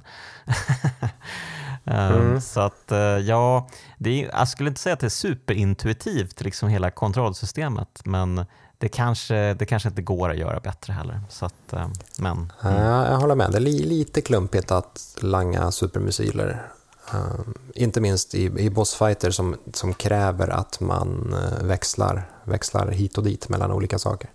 Precis. Ja, men det är ju faktiskt väldigt mycket att hålla koll på. Uh, helt plötsligt bara whoops, nu blev jag en morphball uh, för att jag hade glömt bort vilken knapp det var jag skulle göra. Så att, det, det hände mig ganska långt in i spelet att många sådana tabbar. Aldrig fel att bli en morfboll i och för sig. Nej, men det är ju inte det. Det är faktiskt eh, bland det roligaste. Vi kan väl prata lite om eh, de roliga morphball-pusslen som ändå finns i spelet. Mm. Um, vad, det finns väldigt, alltså, det, det finns ja, väldigt mycket att älska här. Mm. Uh, det är liksom, till, till börja, alltså hela själva grundgrejen att Samus blir en boll är ju hysteriskt roligt. Uh, och jag, jag, har ofta tänkt på hur Metroid Prime måste ha upplevts för folk som inte hade koll på Metroid och körde det, ja, men fick ett, ett väldigt atmosfäriskt, um, ja, vad som ser ut att vara ett FPS. Uh, man springer runt i rymden och så plötsligt blir huvudpersonen en boll uh, och rullar runt. Uh, jättekonstigt, men samtidigt väldigt, väldigt coolt. Mm, mm. Pusslen, jo, det är det är, det är väldigt, väldigt charmigt att den här pussellåten, eh, som, som är väldigt mysig, att den slås på när man eh, börjar interagera med pusslen, med mm. Morphball-pusslen. Jag gillar den, eh, ja, men den lilla lugna stunden man får där. Så här, nu är det dags att pussla. Nu får vi lyssna på pussellåten eh, som bara smälter in i, i soundtracket. Mm. Eh, ja, men eh, de är ju väldigt roliga, speciellt när man får spiderball-mekaniken och kan ansluta till olika rälssystem magnetiskt och kan liksom röra sig på väggar och sånt. Um, och det finns ju även de här fantastiska pelarna som är utsmyckade med rälssystem som går runt dem så att man liksom virvlar upp för pelarna på ett väldigt Spiral, sätt. Spiralmönster. Spiralmönster, just det, precis. Ehm, mm. Och eh, så måste man använda sig av bomber för att hoppa upp till andra rälsar och eh, våga släppa taget för att eh, komma ner till en räls nedanför som man ska fästa vid. Mm. Um, och så dyker det upp lite fiender också som är ganska lätta att ta hand om för det är ju liksom fokus på pussellösning, att man ska hitta rätt i de här bandesign-pusslen helt enkelt. Mm. Um, så att, eh, supermysigt. Jag älskar Morphball-pusslen. Ja. Sen finns det vissa små Morphball-sektioner ehm, um, som ofta används som transportsträckor mellan två olika rum när man mm. ser allting från sidan istället. Lite mer traditionellt, eh, traditionell vy. Uh, det är tydligen uh, på något tekniskt konstigt sätt ett visir. Alltså rent, uh, rent tekniskt sett. Jaha, menar du? Okej. Okay. Det, mm. ja, det, det, det, har snackats en hel del av, av utvecklarna um, om såna här små konstiga detaljer med, med Prime. Uh, till exempel att det, det räknas som ett visir när man ser, ser från sidan. Så mm. uh, eller hur, hur, de har snackat en del om hur, hur de har finkalibrerat hopp hoppen. Alltså Prime har ju en del plattformshopp och det är ju inte helt lätt att plattformshoppa i ett eh, första personspel men att kameran tiltar ner lite mm. diskret för att eh, hjälpa plattformshoppandet ja, på traven. Apropå plattformshoppande så dyker det ju upp i Face on Minds där man verkligen har tagit sig ner till det här um, Face on-området um, och måste försöka undvika eh, det farliga fasonet som ligger på marken så ska man hoppa på så här stora svampar. Det är ju Nintendo, så varför inte? Um, och Faison är alltså ett äh, väldigt radioaktivt blålysande ämne som är äckligt. Ja, det är ju kan man väl säga liksom huvudskurken i spelet. Eh, det, det har liksom landat för x antal år sedan så landade den en meteorit, eller en meteor, vad man nu säger, när det har landat på jorden, ehm, på Talon 4. Och det här fasonet fanns då i meteoriten och började sprida sig över planeten som ett gift. Och Eh, de här Choso-rasen som hade bebott planeten, de blev ju snabbt utmanövrerade eh, och insåg att planeten höll på att dö så att då men förseglade de eh, liksom den här huvuddelen, alltså meteoriten ehm, och det är liksom den vi försöker öppna upp tillgång till genom hela spelet ehm, för att kunna spöa Metroid Prime som finns där inne. Som man inte känner till från början? Nej, eh, man har ju inte så mycket koll på läget helt enkelt. Men, mm. eh, Faison är gucket i alla fall. Hade det varit Tears of the Kingdom så hade det hetat Gloom. Precis. Ja, och då finns det då en, eh, en sån passage där man ska hoppa upp med sin grapple beam på de här märkliga sakerna som flyger omkring ovanför oftast. Ehm, Varelserna? Ja, det ser ut som en, en sköldpadda utan ben som bara flyger. Um, och så har den liksom en grapple beam-ikon um, på sig. Mm. Och det finns ett, det hur, finns... hur, tänkte evolutionen där? Ja, hur tänkte evolutionen där? Alltså det finns ett område där jag fastnade i kanske tio minuter på det där jävla plattformshoppandet. Um, så att uh, det kan vara mitt, min sämsta bit i spelet faktiskt. Uh-huh. Du teasade ju tidigare om att du skulle liksom avslöja din sämsta del med spelet. Det, vi har inte kommit dit.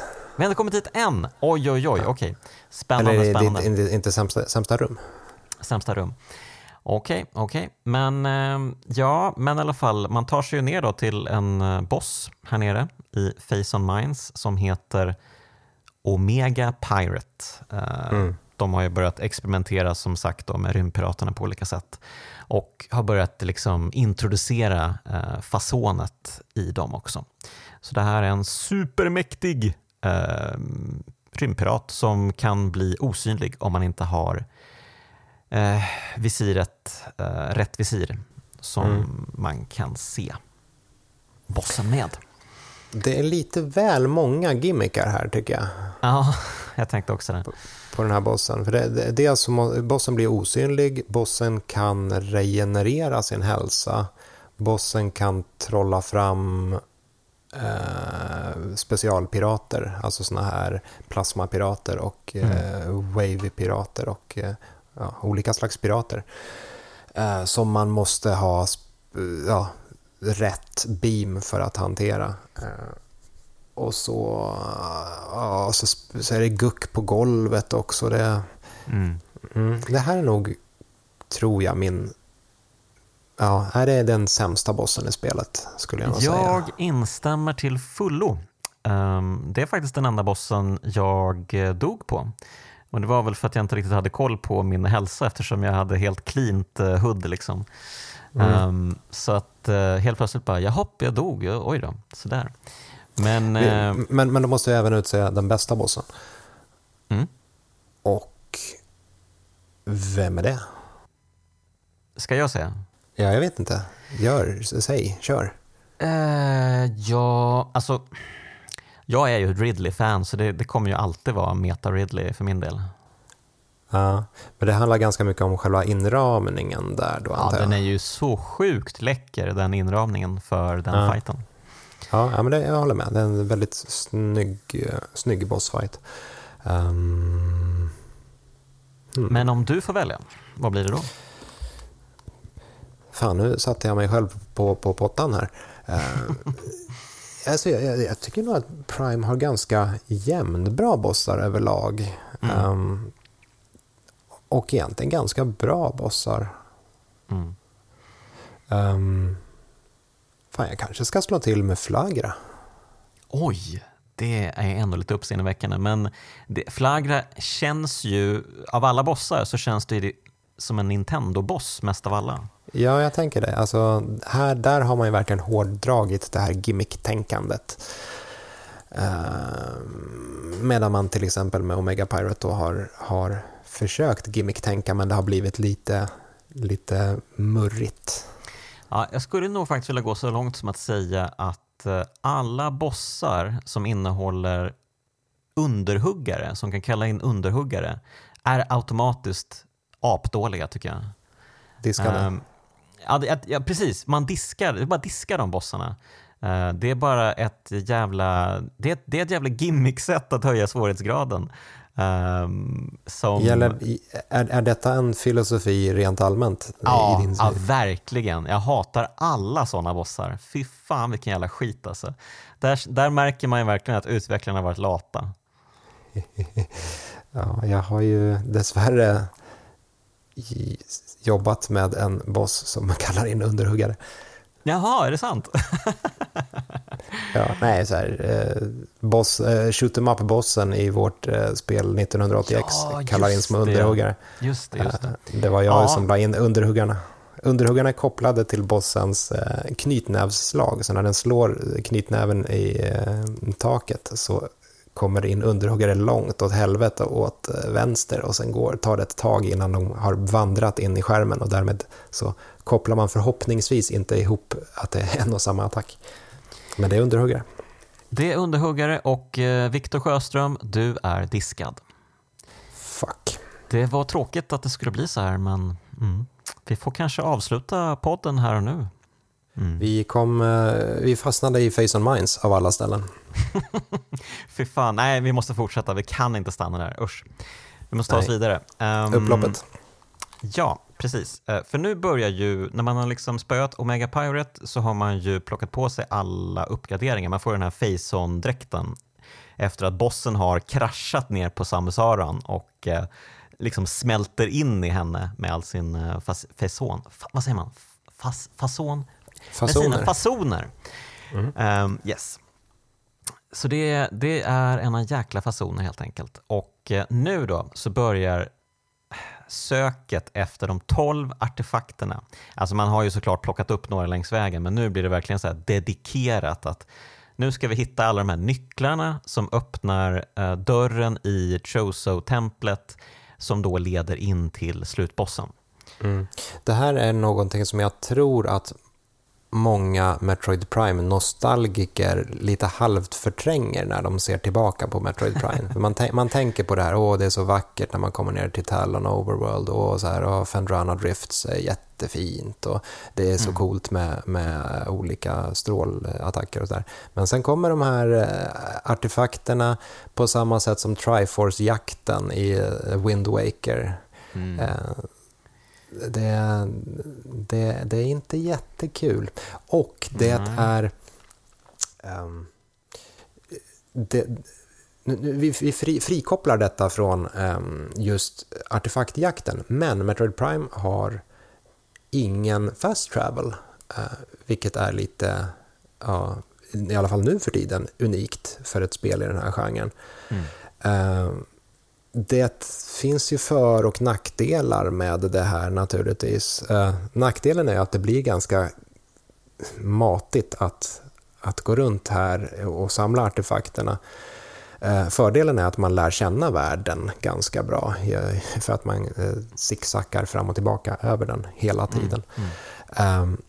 Men det, det, man får i, alltså i artefaktväg är att man, ska ner till ingången till den här kratern kratern eh, och på, på, eh, på kratern eh, som en väktare över kratern så sitter det 12 stycken statyer som man ska scanna och då får man ledtrådar till var artefakterna är. Och det är inga svåra ledtrådar utan det är i rummet som Hurd Bird ska det göra. De markerar ut vissa ord och så är det bara att kolla på kartan att ja, Fendrana Drifts till exempel har bara ett rum som är ett tempel. Då mm. måste det vara i templet. Mm. Eh, också. Och så mm, utan fast travel så ska man, eh, ska man jaga reda på dessa 12 artefakter. Eh, mm. Och vid det här laget så har det även börjat dyka upp eh, Choso-spöken. Ja, just det. Mm.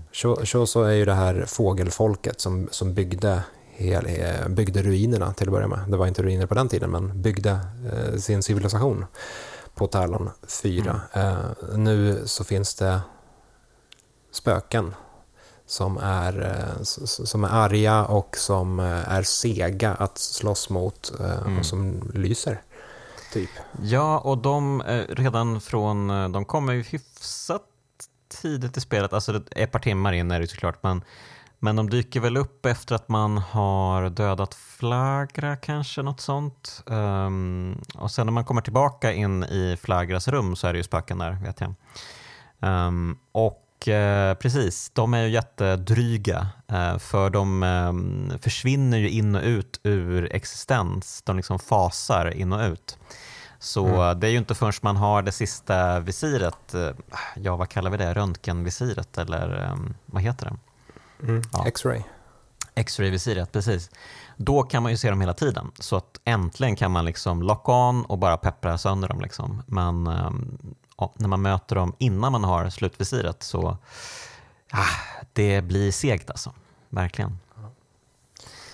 Um, men, men, poängen är i alla fall då att man samlar uh, dessa 12 artefakter och och eh, det gör man för att kunna komma ner i den här kratern. Och det har, man, man har mer och mer förstått att det finns någon slags varelse nere i den här kratern. Rymdpiraterna verkar vilja komma ner i kratern för att eh, morsa på varelsen. Eh, Choso-folket vill eh, hålla varelsen borta. De, de har försökt spärra in varelsen och kallar den för The Worm. Mm.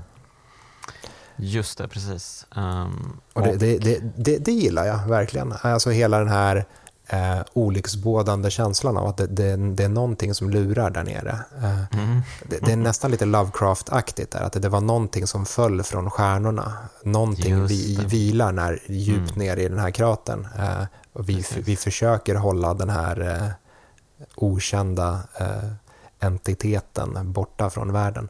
Eh, men, men nu ska vi ner och, och peta på den. Ja, precis. Men Samus Aran gör ett misstag. Hon aktiverar den här um, pelaren då till slut med alla tolv artefakter vilket skickar upp en stor ljusstråle upp i luften. Och det blir ju som en signal. Hallå Ridley, här borta är jag. Och då blir det en fet bossfight. Oh, som jag älskar. Din um, favoritbossfight enligt Ja, utsago. min favoritbossfight. Jag älskar ju musiken. Den är ju riktigt tuff. Um, och um, jag älskar också hur um, rymdpiraterna beskriver ju Ridley i en sån här terminal som man hittar nere i Face on Minds.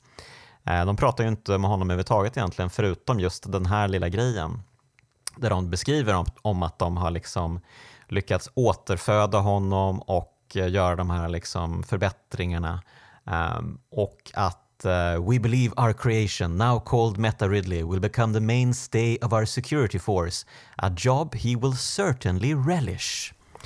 Um, så... då, tänk, då tänker man ju att han ska ha någon slags uniform och kanske någon form av, ja. någon form av skrivbord. Ja, precis. Var är Ridleys kontor egentligen? Det vill man ju veta. Um, men, där, uh, där har vi ett spel som de borde ha greenlightat istället för uh, Federation Force. Precis. Uh, Ridley... Ah, det, vad, vad, heter det där valvspelet? Aperture Desk Job. Det kan Just vara det. Ridley Desk Job istället. Det hade jag mm. definitivt spelat. Um, men, ja, men jag tycker att det är en ganska kul fight. Alltså, den börjar ju med att Ridley flyger omkring och kastar um, missiler och bara spränger bort alla de här um, gamla eh, pelarna, artefakterna där och eh, liksom rensar hela spelbrädet så att säga, spelplanen. Och eh, så måste man skjuta honom i käften och i bröstet och eh, det är en ganska lång fight. Ehm, och eh, kanske lite seg mot slutet, men då, helt plötsligt när han gått ner på, eh, när han bara har en tredjedels hälsa kvar, då pang bom så dunkar han ner på marken. Och Eh, börjar attackera. Och han är ju jävligt snabb faktiskt, snabbare än man kan tro. Han dundrar ju fram som en galning, som en missil över liksom, eh, eh banan så att man måste ju kasta sig undan snabbt. Eh, man har ju såna här undanmanövrar man kan göra genom att trycka på hoppknappen åt sidan. Liksom. Mm. Och samt, samtidigt som man inte alltid kan eh, skada Ridley, så man måste ju vänta på rätt tillfälle också. Ja, men precis. Det är ju lite taktik här fortfarande. Ja. Um, mm. ja men bra, bra fight. Mycket bra fight. Älskar Ridley. Och eh, det slutar ju med att uh, de här uh, statyerna i bakgrunden, Shoso-statyerna, de bara helt plötsligt väcks till liv och beamar laserstrålar på Ridley som bara spränger honom åt helvete. ja. Väldigt märkligt tilltag kan jag tycka. Kunde ha gjort det lite tidigare. Man kan tycka det, men de ville kanske se om Samus Aran var värdig att ta sig ner i kratern och möta Metroid Prime. Mm. Ja, det, det, det, det, och det gillar jag, att Metroid Prime är namnet både på en varelse, den här varelsen nere i kratern, och att det är namnet på spelet. Då. Mm. För, för, man insåg det ju inte från början, när, det, när man började spela spelet. Då tänkte man nästan, The reveal! ja. Ja. I all sin enkelhet eh, är det en, en liten snygg sak. Mm. Absolut. Ty, men, men ty, äh, ja, fortsätt. Ja. Ja, nej, ty, tyvärr så är väl den här kratern Uh, det är här uh, spelets sämsta rum finns, enligt mm, mig. Mm, mm. Uh, och det är förstår, fa Face on Core. Jag förstår. Jag förstår precis vad du menar här. Det här fa är en fruktansvärd passage. Ja.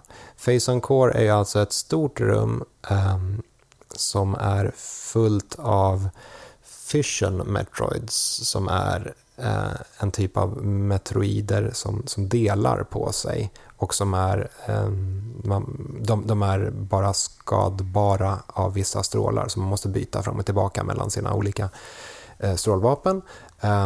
De delar på sig, de, de puttar ner en från de flygande plattformarna som man ska hoppa upp för. Eh, man ska ta sig långt upp i rummet. Eh, och de spanar i all evighet. Så man kan inte rensa rummet på fiender. Eh, det, jag vet ärligt talat inte hur, hur man ska tackla det här rummet på ett snyggt sätt. Jag har alltid bara liksom dumköttat mig genom att ta, ställa mig på något ställe, medvetet ta skada bara för att eh, mm. eh, inte bli nerputtad och behöva börja om från början. Eh, mm. Jag körde också eh, Prime Remastered eh, nu när det kom, eh, men jag gav upp på Face On Core. Jag tänkte att eh, nej, jag tänker inte köra det här rummet en gång till. Eh, jag, har, jag har bättre saker att göra i mitt liv. Okej, okay. um, ja, jag kan ju hålla med om att det är ett tung, tunggrott rum. Och eh, man inser ju, när man inser att, att de kommer spåna hela tiden, då är det ju bara shit, jag måste kubba. Mm. Eh, men som du säger, det är ju plattformar högt upp i luften och man kan lätt bli nedputtad. Eh, men så min taktik var ju helt enkelt att så fort det dök upp eh, Fission Metroider så är det morphball-läge och powerbomb. Boom! Och sen kubba, kubba, kubba, kubba tills nästa fiende och powerbomb vidare, vidare, vidare. Mm. Så att det går med lite vilja och vaselin, absolut, att ta sig hela vägen upp och eh, in i bossrummet. Uh, ja, men det är en pers, jag håller med.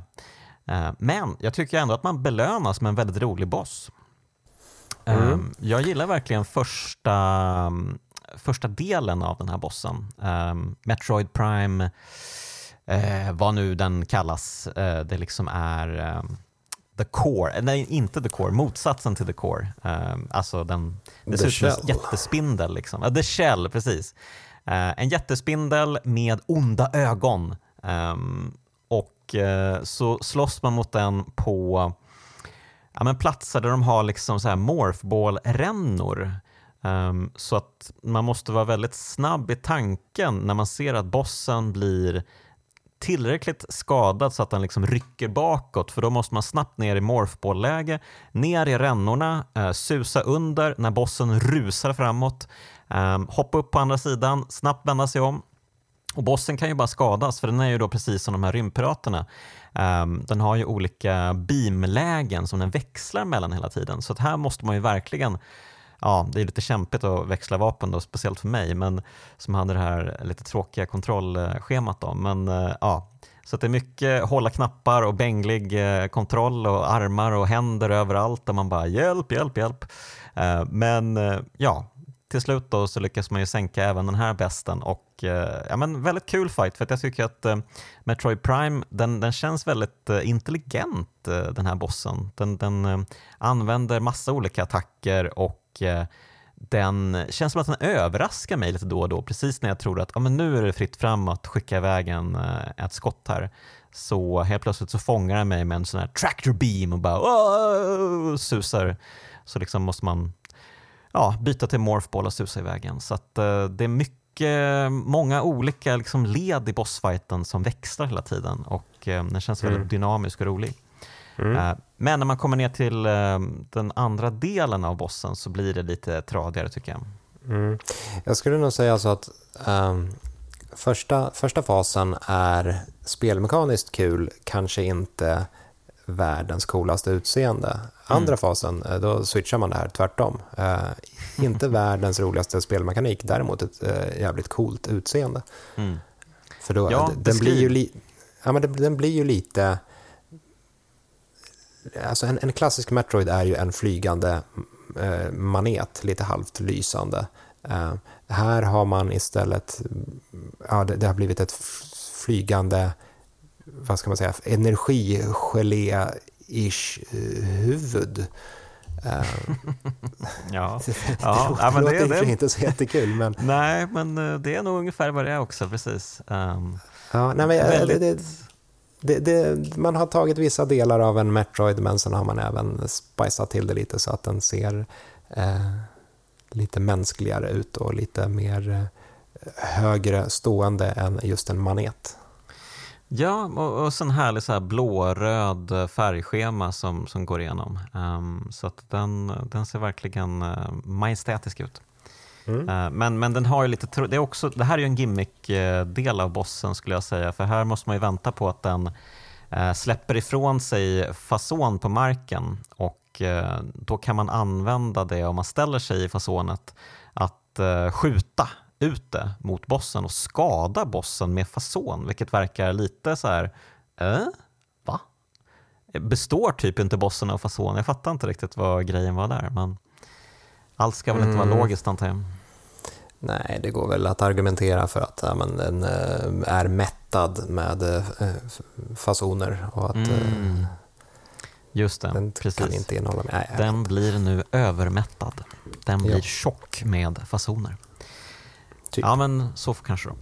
Men förr eller senare så faller även Core-varianten av Metroid Prime och beroende på eh, om man har eh, fullprocentat spelet då, eh, så får man ju en liten extra scen efter slutet. Ja, det sprängs ju här då, men eh, jag tror, planeten sprängs ju inte, utan det är bara den här lilla delen av eh, den här liksom kärnan och sen så tar sig Sommersaren ut och hoppar upp på sitt rymdskepp och tar av sig hjälmen och spanar ut över sina ägor. Ja. Ja, det, det sprängs definitivt inte Eh, eh, planeten sprängs inte för det återkopplas senare i trean, tror jag att det är, mm. när man kan få information om Talon 4 via vad det nu är, ett hologram eller någon logg eller vad det nu var, eh, mm. där det står att ja, men nu verkar planeten ha återhämtat sig ganska nice här. Men vad kul! Um, helt plötsligt blev jag sugen på, uh, i och för sig de hade ju det i Metroid Prime 3 att man uh, flög mellan planeter men det hade varit kul att besöka Talon 4 igen. Kanske i Metroid Prime 4, vem vet? Um, ja, när det kommer. Uh, precis. Jag är ju inte jätteförtjust i hela den här storylinen med fasonerna. Um, det, det, är liksom ingen kul antagonist. Um, för nu skapas ju liksom antagonisten som sen eh, dyker upp då i tvåan och trean.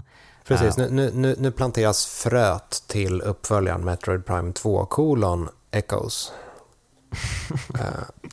och det är ju då Dark Samus som, som föds. Uh, mm. Dark Samus som är Metroid Prime, men som nu har bott bebott, bosatt sig i Samus gamla avslitna um, Face-On-dräkt, mm. typ. Ja, Eller kopierat så. den. Det är lite, ja. Vad man väljer själv kanske. Precis, så ja, eh, nej men precis. Eh, hela fasongrejen, eh, inte jätteförtjust och eh, det blir ju ganska mycket av det i tvåan och trean. Um, vad tycker du om uppföljarna? Um, jag tycker de är bra, um, men det är ju en fallande skala här. Alltså Prime 1 mm. är ju bäst, tvåan är näst bäst, trean är sämst.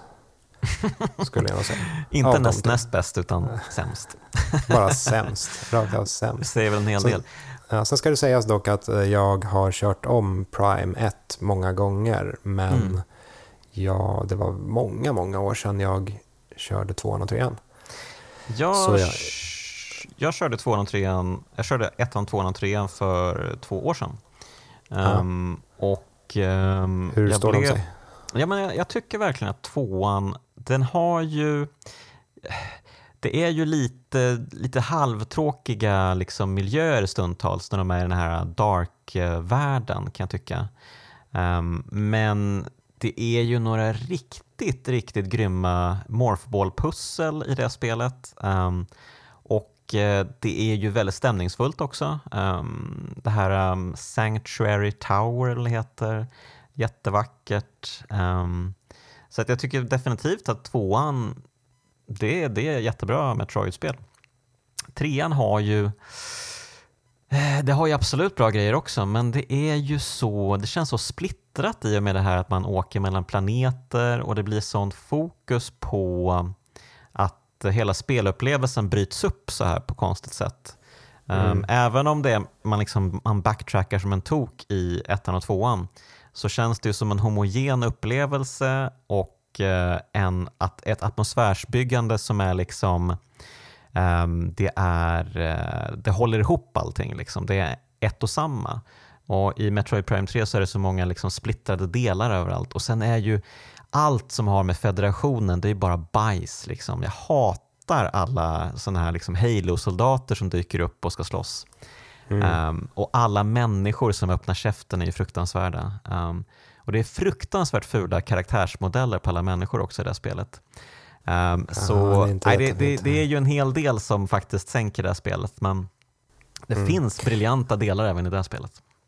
I talande stund så är det ju ja, men ganska exakt sex år sedan Metroid Prime 4 utannonserades. Det utannonserades med en logotyp, en typ blå 4, eh, på E3 2017. Nu är det vi i mitten av 2023. Det har gått sex år, vi har inte sett någonting alls av spelet. Mm. Och det har bytt utvecklare också. Från början skulle det ha utvecklats av ett, ett nytt talangfullt team, eller vad det nu sades. Eh, sen var man tvungen att starta om utvecklingen för att det inte levde upp till förväntningarna och sen har, äh, har Retro Studios kommit tillbaka och gör numera Prime 4. Vad, så här, innan vi har sett någonting kan det vara kul att gissa, vad tror vi om Prime 4? Oj, det är ju så svårt att veta allt det här för att eh, ettan Det är det som gör det roligt. Alltså ettan, tvåan, trean utvecklades väl typ av ungefär samma team. Jag vet att det försvann folk och så, men det var väl ändå um, en liksom, uh, det kändes som att uh, det fanns hela tiden ett DNA hela tiden genom alla tre spelen och alla liksom, utvecklingsteamen där. Ja, Här har jag liksom... Dessutom på, på, i, i vad ska man säga, en stadig ström också. Det var, det var mm. inte så att det gick jättelång tid emellan dem. Även precis, om det var en, ett konsolskifte. Det ska sägas att uh, Metroid Prime utvecklades på den tiden då crunchen var helt vansinnig. De hade ju liksom 80-100 timmars veckor på Retro Studios i ja, men över ett halvår, kanske ännu längre. Um, för att Nintendo hade en sån skarp deadline. Ni måste ha klart spelet uh, till typ 18 november um, 2002. Mm. Um, så att det var ju, jag kan, alltså det måste ju varit helt vansinnigt att jobba under de uh, omständigheterna. Tyvärr får man väl säga så kanske det var anledningen till att det blev så bra då också. Att uh, man ja, hade den här mm. japanska kör in dig hela vägen in i kaklet, mentaliteten. Eh, och det är ju inte så bra att göra så med människor. Nej, verkligen inte. Nej, eh, mm, ja, jag vet inte om det är bra eller inte, men det blev ju ett väldigt bra spel. Eh, oklart eh, om det är just eh, eh timmarna som gjorde det. Men eh, ja, eh, det hade kanske kunnat bli ännu bättre om de fått längre tid på sig. Crade, till ja. exempel. Släppa en um, special edition om ytterligare 20 år. ja, det blir kanske Crade så. edition. Nej, men det verkar ha varit en del bad blood också på Retro Studios för att jag läste att uh, spelet sålde ju nästan 3 miljoner exemplar men, uh, och då fick ju då uh, jag tror att hela teamet fick en stor bonus av Nintendo för ja, men, bra jobbat. Det trodde vi inte att det skulle liksom bli en sån storsäljare. Mm. Men mm. då gav ju producenterna sig själva en betydligt större del av kakan än alla andra, liksom, eh, alla tekniker, alla liksom, eh, konstnärer och sånt som jobbade på teamet. Och eh, det fick ju de reda på också, att vänta lite nu här. Ni har fördelat pengarna på ett eh, extremt ofördelaktigt sätt för oss. Liksom. Och det kanske också är det som skapade det här lilla mörkret som sen blev Metroid Prime 2. För det är ju, ett, det är ju, ett, det är ju ett ganska deppigt spel. Liksom.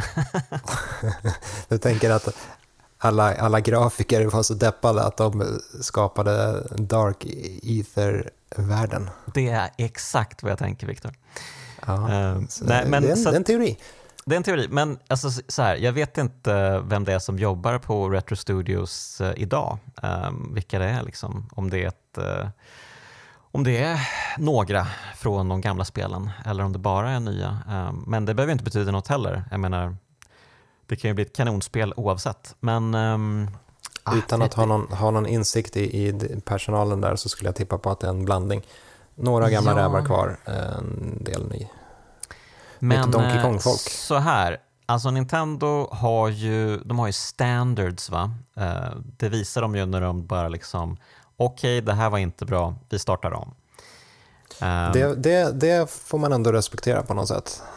Det är ju få andra spelutvecklare som skulle göra något sånt. Um, de skulle väl bara, shit, vi måste ha ut ett spel. Um, gör klart skiten på ett halvår, jobba 80-100 timmar, do it. Uh, men istället så uh, ja, startar de om. Så uh, det signalerar väl ändå att det här kan bli intressant och bra. Jag, jag, jag tänker, ja, förlåt. Nej, men jag hoppas på att det, det kan bli bra. Ja, jag, tänker du? att, jag tänker framförallt att faktumet att, att det har gått sex år, att ingenting har visats, att det har startats om, eh, förmodligen är ett tecken på att, att spelet är ganska annorlunda mm. gentemot de tidigare Prime-spelen. För visst, vem som helst kan inte göra ett Metroid Prime. Um, men så här, Metroid Prime 1, 2 och 3 utvecklades ändå med inte allt för många års mellanrum. Skulle man göra ett Metroid Prime 4 som ja, men, gick i samma fotspår, då mm. tror jag, alltså jag, jag, kan inte se riktigt svårigheterna med det. Alltså visst, det, det, är all, det, är aldrig lätt att göra ett spel, men så här, att göra ytterligare ett Prime-spel som fungerar precis som eh, Metroid Prime, mm. fast i, i HD, det jag kan, det kan väl inte ta sex år och kräva en omstart. Eh, mm. Snarare så tror jag att, att man har försökt göra något lite mer drastiskt med konceptet. Um, mm. Och om man kollar på Mario och Zelda, Zelda har ju gått full open world nu i och med Breath of the Wild och, och Tears mm. of the Kingdom.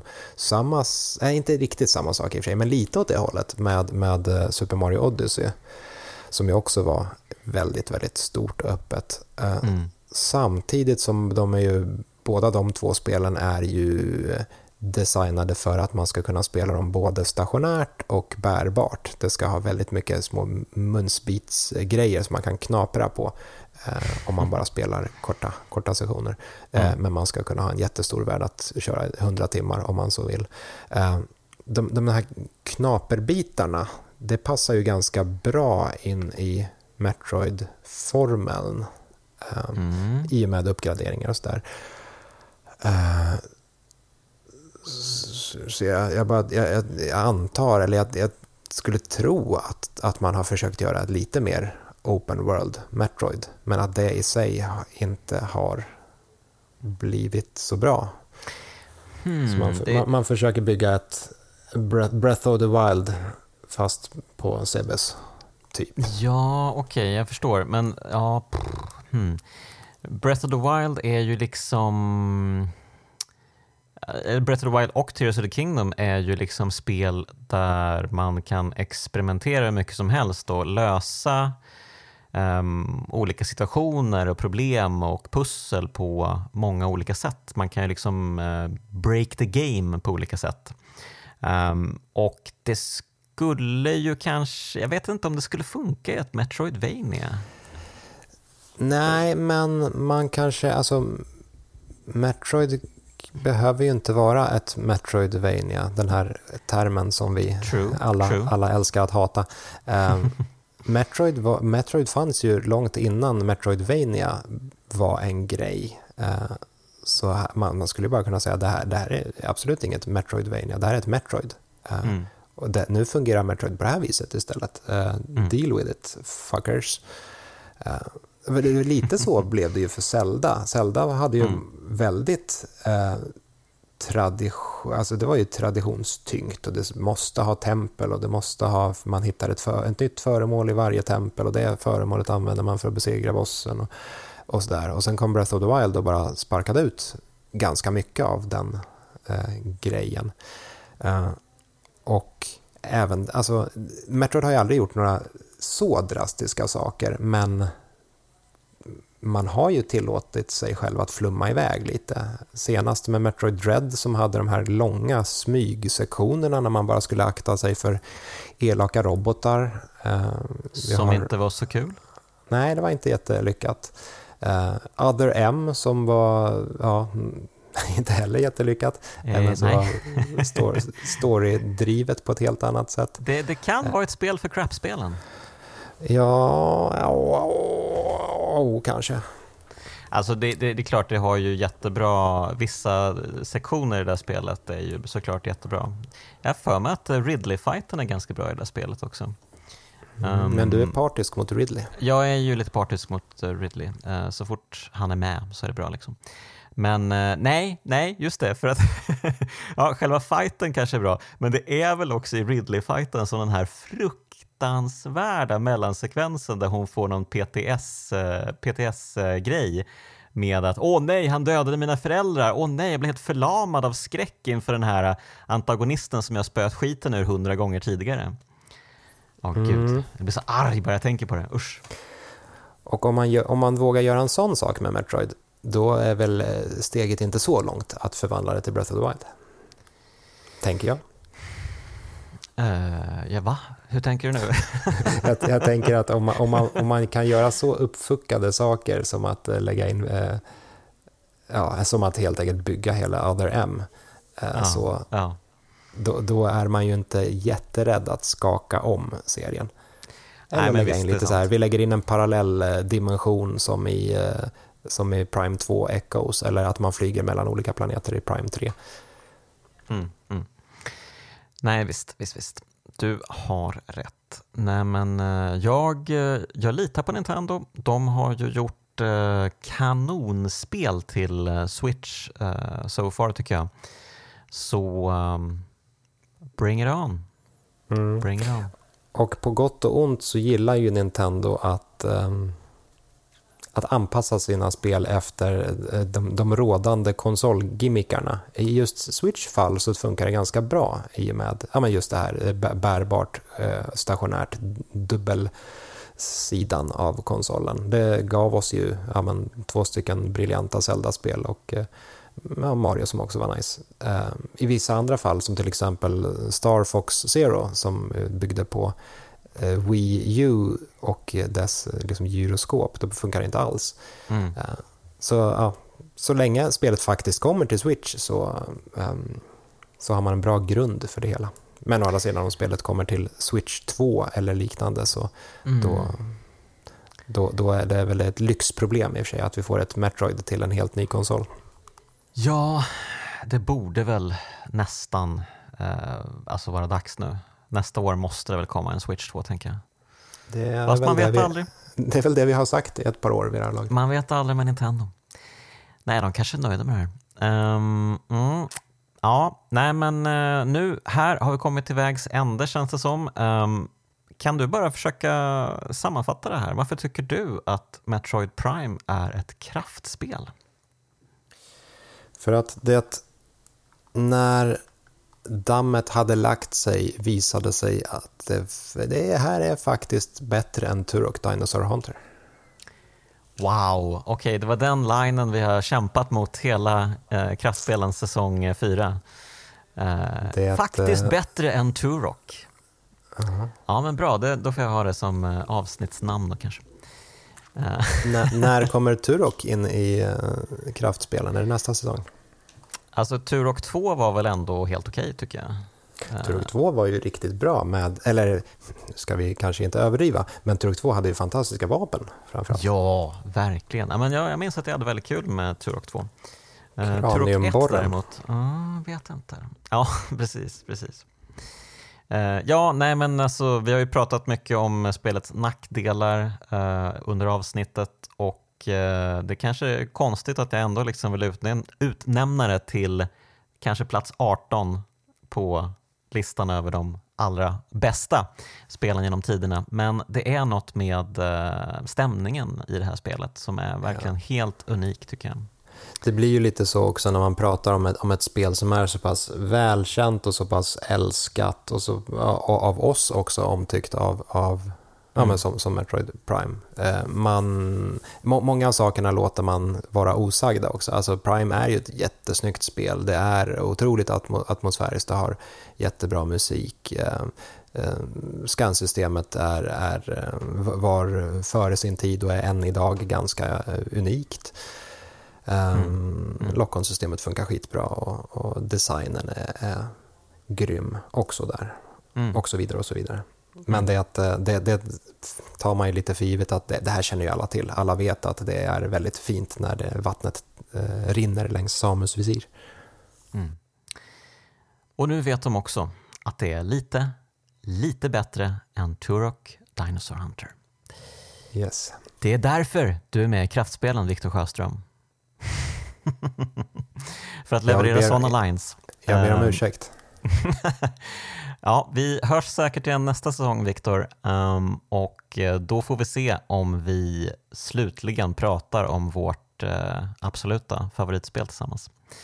Um, det uh, vore kul. Mm, ja, tycker jag med. Um, hur som helst, tack så mycket för att du är med i Kraftspelningen, Viktor. Tack själv. Och tack till alla som lyssnat. Uh, ja, men under hela säsongen, Uh, under alla 80 plus avsnitt som det blivit. Det är ju helt sjukt faktiskt.